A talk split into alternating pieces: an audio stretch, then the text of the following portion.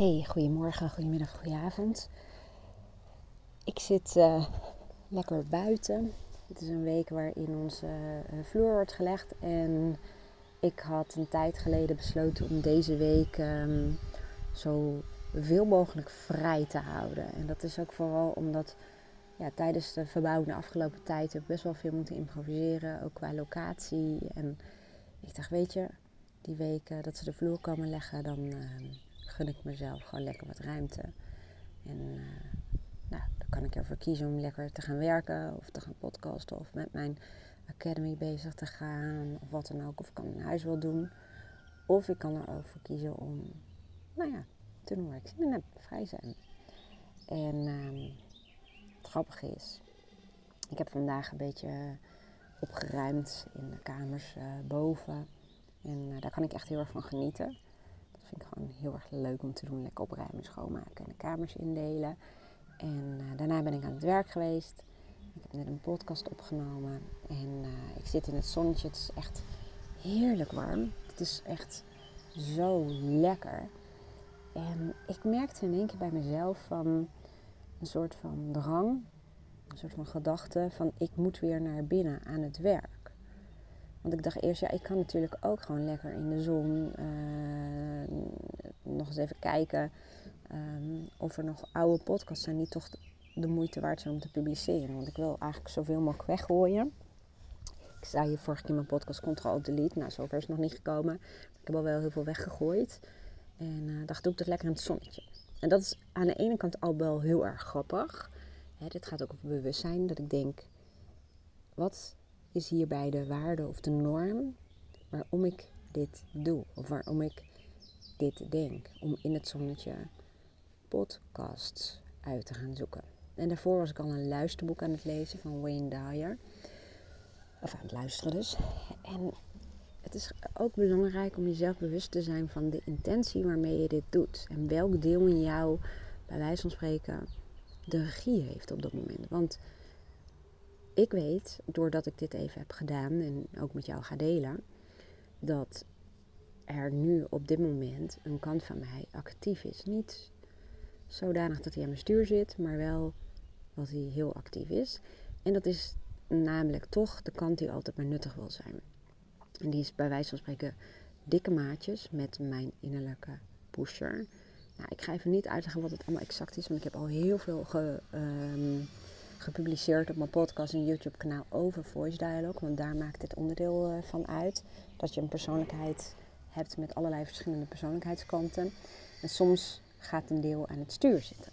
Want je kunt je ook afvragen, als ik dan ervoor gekozen heb om een week heel veel vrij te zijn en de zon schijnt, waar ik enorm van hou, waarom ga ik dan niet gewoon lekker zitten? En in mij komt dan meteen van alles op. Ik zou de ramen kunnen wassen. Ik zou kunnen gaan schilderen. Ik zou onkruid kunnen gaan plukken. Ik kan mijn podcasts uit gaan zoeken. Um, ik kan een luisterboek gaan luisteren. Ik kan studeren. Maar dit is bij wijze van spreken de stem van een deel in mij. Waarbij ik ook merkte dat ik in één keer dacht, ik moet weer naar binnen aan het werk. Het voelt een beetje alsof ik aan het spijbelen ben. Dat ik hier in de zon zit. Nota bene met twee hardwerkende mannen die hier de vloer voor ons aan het leggen zijn.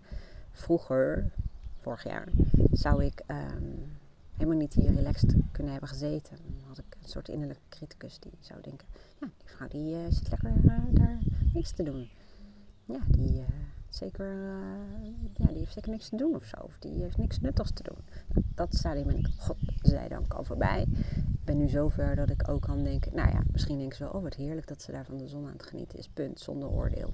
Anyway, het maakt natuurlijk eigenlijk ook helemaal niet uit wat ze denken.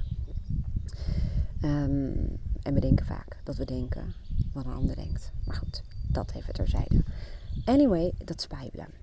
Ik had het vroeger al, toen ik bij het kadaster werkte, werkte ik woensdag thuis. En als het mooi weer was, dan installeerde ik een werkplek in de tuin, parasol erbij, verlengsnoer. Zet ik mijn laptop zo neer dat ik het scherm goed kon zien en telefoongesprekken deed ik lopend in onze tuin.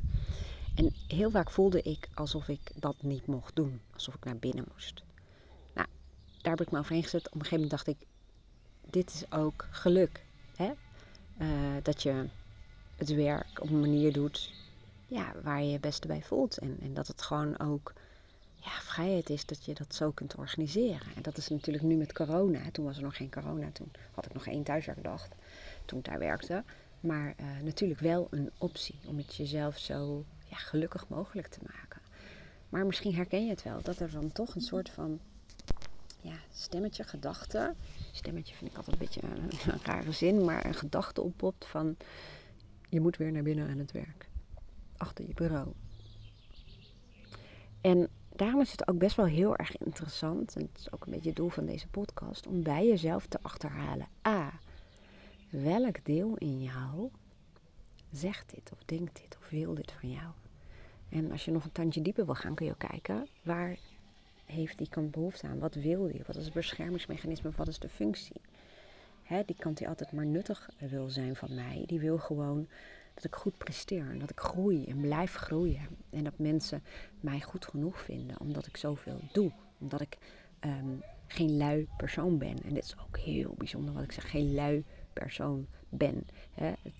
Het, is een ja, aparte zin die ik uh, construeer. En dat is ook een deel van mij, een verstoten deel. Dat mag ik niet zijn van mezelf.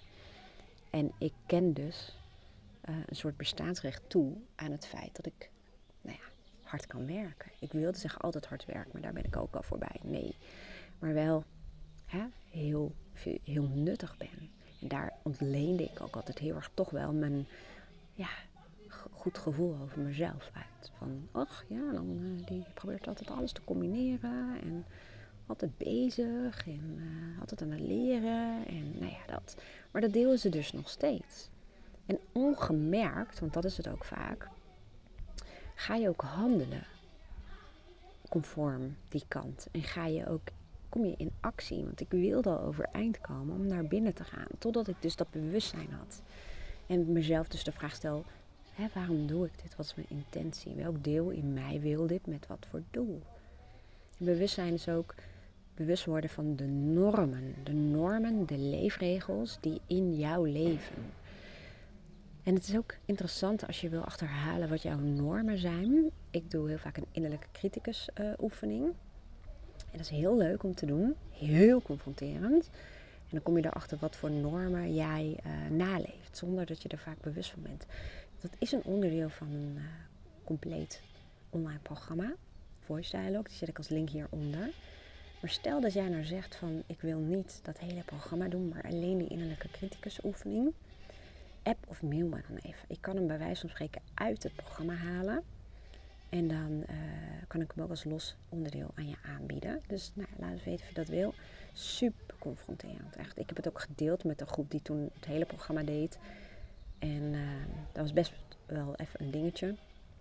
Schaamteloos eerlijk zijn over wat mijn innerlijke criticus van me vindt en welke uh, ja, normen ik moet naleven.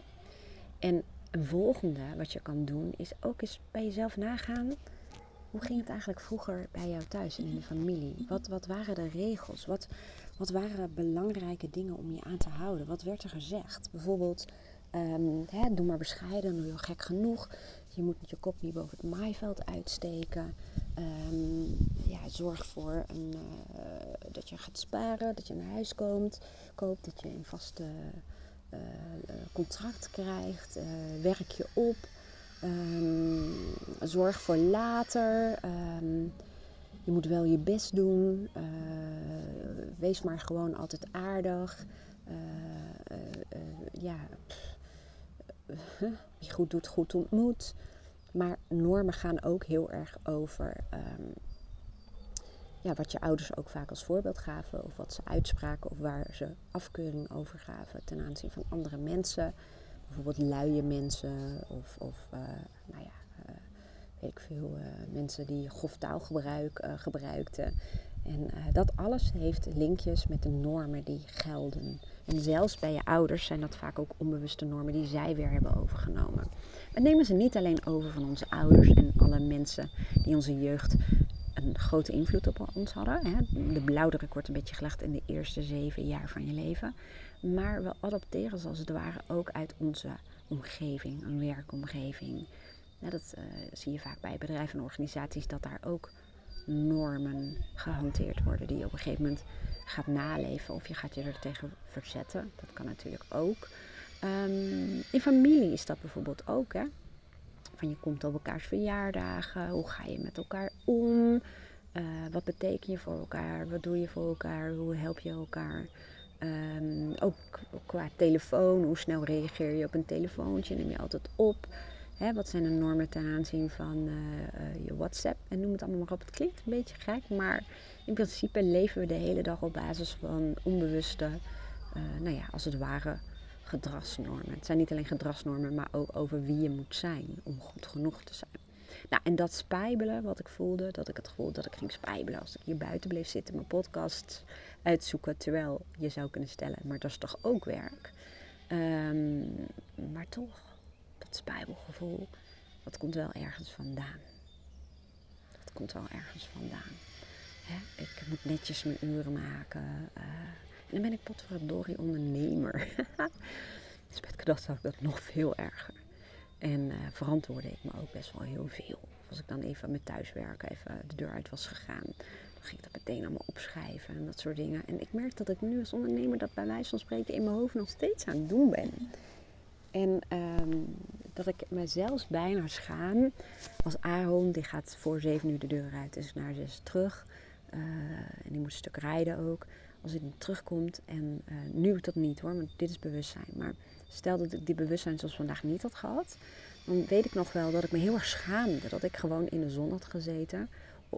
Of ik nou wel of geen podcast had uitgezocht. Maar het voelde ook alsof ik um, minder hard had gewerkt dan hij. En dus minder verdiende. Hè, minder, uh, daar zit ook een soort irrationeel basisidee onder. Dat je altijd hard moet werken of altijd goed moet presteren om uh, goed genoeg te zijn. Om de liefde te verdienen van de mensen om je heen. Of de wereld, of hoe je het ook wil noemen. En uh, nou ja, kijk voor jezelf is er een hele leuke oefening voor. Los van die innerlijke criticus oefening heb ik ook een oefening waarbij je nagaat wat de normen zijn die jou meegegeven zijn. Wat heel veel helderheid verschaft. Over uh, van wie komen die normen? Het helpt heel vaak om te kijken, hé, hey, die zijn van mijn opa of mijn oma, of die komen van mijn vader of mijn moeder. Of misschien wel van school of van mijn vrienden of van mijn werk. Het is heel interessant om de normen ook um, nou ja, te associëren met iemand. En dan kun je vaak ook bepalen, maar dient deze norm mij? Zorgt het ervoor dat ik conform mijn eigen persoonlijke waarden kan leven? Want feitelijk zijn normen, regels, die ervoor zorgen dat je conform een bepaalde waarde kunt leven. Maar heel vaak zijn uh, mensen zich absoluut niet bewust van hun eigen persoonlijke waarden en leven ze conform de waarden en de normen van andere mensen. En dat conflicteert vaak innerlijk of extern met iemand anders. En het helpt heel erg om je A-bewust te worden wat zijn je eigen persoonlijke waarden en welke normen horen daarbij en zorgen ervoor dat je conform die waarden kunt leven. En welke normen conflicteren? Welke normen dienen je helemaal niet, maar zitten wel strak in jou geprogrammeerd, om het zo te zeggen. Dit gaat allemaal over bewustzijn. de volgende stap is ook echt um, nou ja, een, een, een, lijstje maken. Vaak is dat ook even kijken naar de normen die je bij jezelf hebt geïdentificeerd, zullen we maar zeggen. En je kunt ze iets nuanceren. Je hoeft ze niet compleet te verwijderen of om te buigen, maar je kunt ze wel nuanceren. Je kunt ze minder absoluut maken. Dat zorgt al voor een hele grote verschuiving en verandering in je leven en je bewustzijn. En dus ook hoe je je leven ervaart en in je resultaten. Maar je kunt ook gaan kijken, nog een stapje verder, van ik schrijf nieuwe waarden. En, of nou niet, sorry, niet waarden, want dit doe je op basis van waarden. Ik schrijf nieuwe normen op die ervoor zorgen dat ik veel meer conform mijn waarden kan gaan leven. En waar ik dit ook heel veel bij doe, is bij uh, mensen en uh, binnen hun organisatie of bedrijf en uh, opvoeding. Maar ook relaties. Want een bedrijf, um, ja, het helpt heel erg om een set aan waarden met elkaar door te nemen. Wat zijn de waarden binnen het bedrijf? En dan hoef je niet exact dezelfde waarden als individu te hebben. Maar kijk, wat zijn de waarden waar we voor staan? Wat heel belangrijk voor ons is in ons bedrijf. En wat voor normen horen daar dan bij? En uh, dat helpt ongelooflijk met leiding geven. En je kunt veel stelliger aangeven wat je uh, wil van een bepaalde medewerker. In het selectieproces heb je ook veel sneller door wanneer iemand matcht met jullie waarden en normen en wanneer iemand eigenlijk in contrast daarmee is. Je kunt veel meer sturen op het gewenste gedrag, om het zo even te zeggen. Je kunt veel meer uh, mensen uh, emotioneel betrokken maken bij je waarden en normen. Klinkt gek, maar als je dat doet vanuit een visie, vanuit een beeld, een soort droom, zeg maar, wat voor jullie belangrijk is, en een bedrijf of organisatie, ik zeg nu even als meervoud, kan ook enkelvoud zijn, dan kun je daar veel makkelijker op sturen. En dat geldt ook in de opvoeding. Uh, nu leven we vaak op basis van normen. Heel veel ouders leven op basis van een bepaalde norm die schuldgevoel triggert, waardoor ze heel veel vanuit angst een schuldgevoel doen. Compensatiedrang ook wel. Alleen dat is heel erg korte termijn reageren. En als je een soort prognose maakt of doorcalculeert op basis van hoe je op dat moment aan het opvoeden bent, hè, bijna onbewust, dan kun je wel uitstippelen hoe bijvoorbeeld je kinderen straks in de maatschappij terechtkomen. En heel veel mensen vinden het confronterend als ik dat samen met ze doe. Dan zeg ik, nou laten we samen kijken, wat zijn belangrijke waarden in je opvoeding of in jullie opvoeding? En wat voor kinderen wil waar wil je aan bijdragen? Want je kunt je kinderen niet verder maken, hè? maar je kunt wel bijdragen aan wat voor mensen worden het? Wat wil je dat ze kunnen? Hoe, hoe wil je dat ze om kunnen gaan met emoties, met relaties? Hoe wil je dat ze voor zichzelf kunnen zorgen? Hoe, hoe zelfredzaam wil je ze hebben? Hoe wil je dat ze sociaal zijn? Hoe ze met andere mensen omgaan? En heel veel zeggen mensen dan, ja, ik wil dat ze wel wat voor de ander over hebben. Ik wil dat ze zichzelf kunnen redden en ik wil dat ze attent zijn. Maar als je dan kijkt naar het gedrag in, in de huidige situatie, dan conflicteert dat heel vaak met die oprechte waarden. Hè? Dan dat schuldgevoel, dat, dat, dat, dat, dat, nou ja, dat staat vaak. Hè? Of regeren, opvoeden. Oh, regeren, wow, wow. Ik bedoel opvoeden hoor.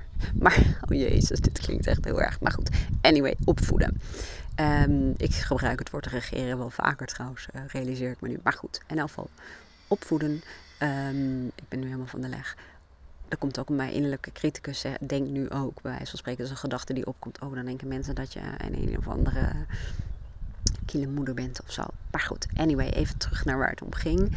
als je vanuit schuldgevoel regeert, dus opvoedt, dan krijg je op de lange termijn, eigenlijk ook op de korte termijn, niet de resultaten die je wil. En draagt dat niet bij aan nou ja, de wijze waarop je graag zou willen dat je kind straks volwassen is helemaal niet zo heel erg moeilijk om te doen. En ehm, je hoeft ook helemaal niet een aparte sessie hiervoor te boeken. Dat doen wel heel veel mensen ook losse sessies. Boeken ze bijvoorbeeld twee sessies om dit te doen. En vaak ook samen met een partner bijvoorbeeld.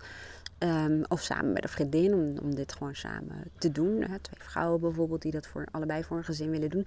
Maar je kunt ook zelf aan de slag. Ik heb hier namelijk uiteraard, je voelt hem al aankomen, het is namelijk zo dat de dingen die ik doe in de coaching en die ik heel veel doe en die bij heel veel mensen werken, met dat soort dingen denk ik altijd: hoe kan ik dit uh, voor een breder publiek toegankelijk maken? Hoe kan ik ze opschalen? Dus hoe kan ik zorgen dat ik hier meer mensen mee ga helpen, maar dan op verschillende manieren? Hoe kan ik dit vastleggen? Dus vandaar dat ik uh, best wel wat online programma's en tools heb. Dus ook hiervoor geldt, hier heb ik een online programma voor.